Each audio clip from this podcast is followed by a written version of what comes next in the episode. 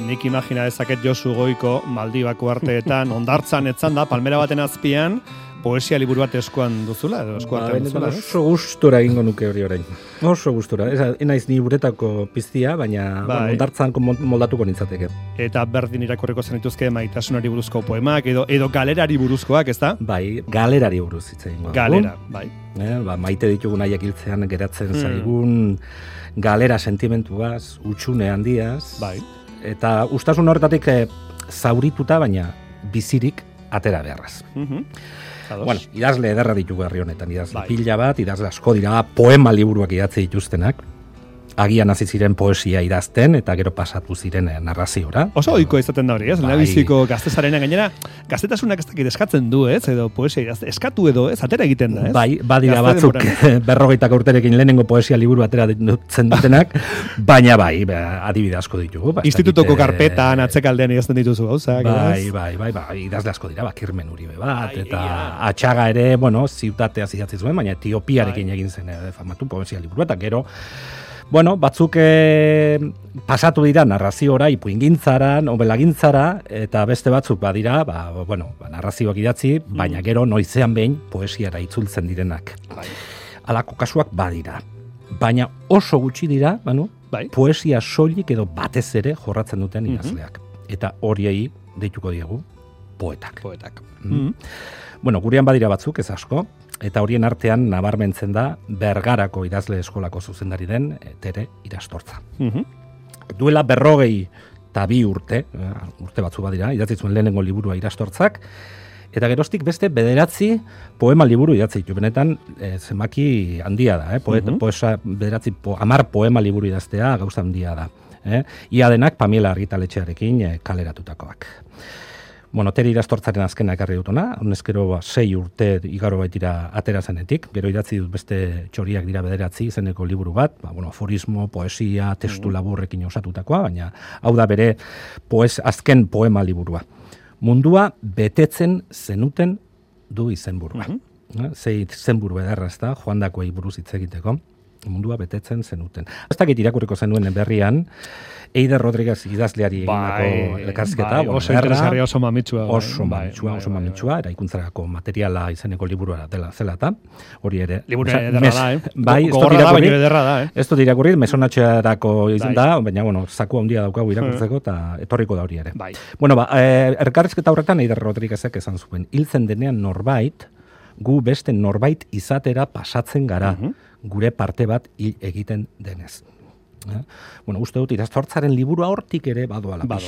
E, mundua betetzen zenuten. Hori da. Eta irakurketari ekingo diru poema ekarri ditutuna. Abia gaitezen, e, urkoaren, maitearen, senidearen eriotzak usten duen ustasun sentimentuarekin. Horretatik pasagarenok e, ondotxo dakigu, olerki honek adierazi nahi diguna. Zulo beltza den sabeleko korapilo horrekin e, goizero esnatu beharra. Eta hemen beti esan ohi duguna. Poesian guk bizi duguna edo bizi izan duguna aurkitzen dugunean, nolabait olerki hori balsamo bihurtzen da.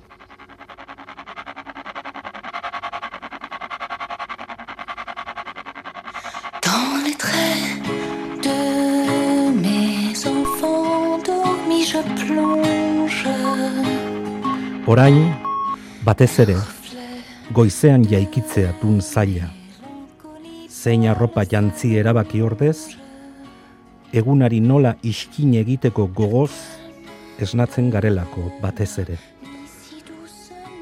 Eta batez batez ere, oso zaila dun inolatz sentitzea, ona eta ara, honetan eta hartan, bilera, egitasmo eta memoria, telefono eta e-posta gainezka zaila dun oso janaria prestatzeaz edo bankutik dirua ateratzeaz akordatzea, edo etxean egotea, esan ezinen orduetan.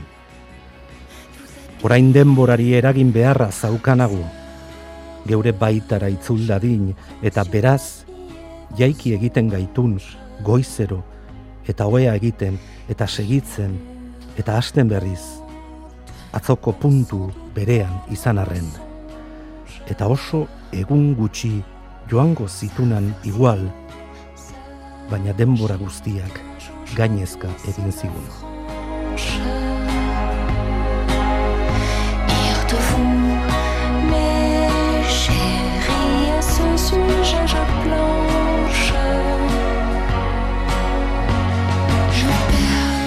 Ere irastortzaren olerkia poema eta laguntzeko edo lagun garri beste emakume handi baten musika ere bai, eh? Charlotte Gainsbourg, eh? Bai, eh, polita ez da. Oso polita, oso Bai, polita. dik, nuen ezagutzen, eta hemen bakizu musika bilatzen ibiltzen naiz poemak girotzeko, eta, Bai. eta bueno, e, banekian hau aktorea zena, eta, bueno, artista zena, baina... Kantaria da, aktorea da, eta Ona, bai. zera zenik e, enekien. Charlotte Gainsbourg. Mhm. Bueno, gero dolu ere egin behar izaten da. Bai, dolua egitea importantea da, mundu guztiak, psikologo guztiak dute, dolua egitea oso garrantzitsua dela, eta dolua igaratzea garrantzitsua dela, eta ur- ura atzean noizbait egunen batean usteare bai. eh? Guk nahi izan behar dugu, eta hildakoek ere utzi behar digute. Urrengo poeman, poetak eskari bat egiten die bere hildakoei.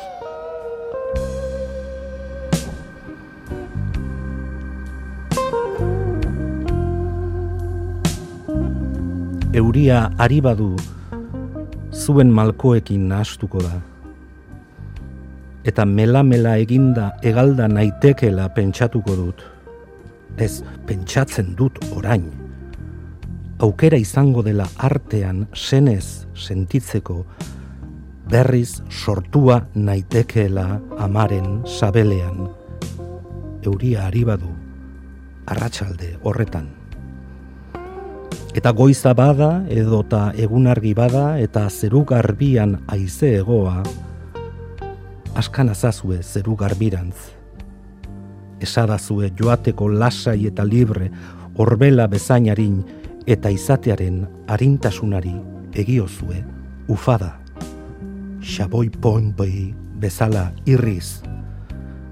Zeren eta zer da nekearen ondoren ezereza baino hobe, zer atxeden aldiaren ondoren loa baino gozoago. Utz nazazue beraz, amets besterik ezten horretan kulunkan. Utz nazazue izatekotan gertakizun izaten berriz. Eta urteon morkotxetik askatzen egoa badabil. Goiz edo iluna bar edo gau oskarbian kulunkan, lurrera erortzeko beldurgabe. Eta has zaitezten neu ahazten lehenago irits nadin etorkizunera eta gertakizunera. Zuentzat azken aldikoz nintzenari lokartzen utziz, azken egun horretan. And I wonder what can she be? Josu, gauzai amaiera ematea ez da erraza gertatzen. Ez da, bai, barkatu, bai, ez da erraza poema liburuak iztea, Hori bukatzea. hori da, hori da, bai. Ok, orokorrean bukerak ez dira errazak inoiz, eh? Ez da, ez agur esatea ez da sekula. Ez da sekula erraza. Eta poema liburu bat istea edo bukatzea ere ez da erraza. Mm, poema liburuen amaierak izaten dira zailenak, eta kasu honetan oso oso amaiera berezia dauka liburu honek. Bueno, maite dugunari agur esatea be ez da, ez da erreza. Mm. Hainbat aldiz esaten diogu agur. Ba, poema liburu hau, hainbat aldiz isten saiatzen da tere irastortza, joko, bueno, literario batean, eh? agian ez duelako agur esan nahi, joan bere mundua betetzen zuten ez agur esan nahi, eta behin eta berriz luzatzen du poema libururen, a, liburu honen amaiera. Olerki honen, eh, honekin adibidez, eta izenburua da, amaierarako beste poema bat adibidez.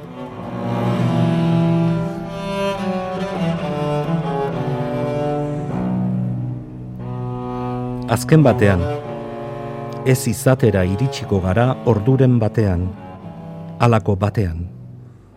Oraindik ara eta ona gabiltzanak, denak. ez izatera iritsi eta itzuli den horretara, denera, berriz posible izan dadin dena. Eta ez bakarrik hautapen bidearen amaiera, berriz posible izan dadin dena eta baita ezin izan garen horretara iristea. Gertatu ezten horretara gerturatzea. Geure izatea osoago edo osatuago izan dadin berriz. Urrengo batean, nonbait. Binaka asmatzen utzi genuenari bat, bateratzeko aukera emateko igual. Uts eginten zuena bete dadin, agian, edo ez. Bitartean izan dadila dena posible eta natural. Bitartean izan dadila askatasuna, ats berri.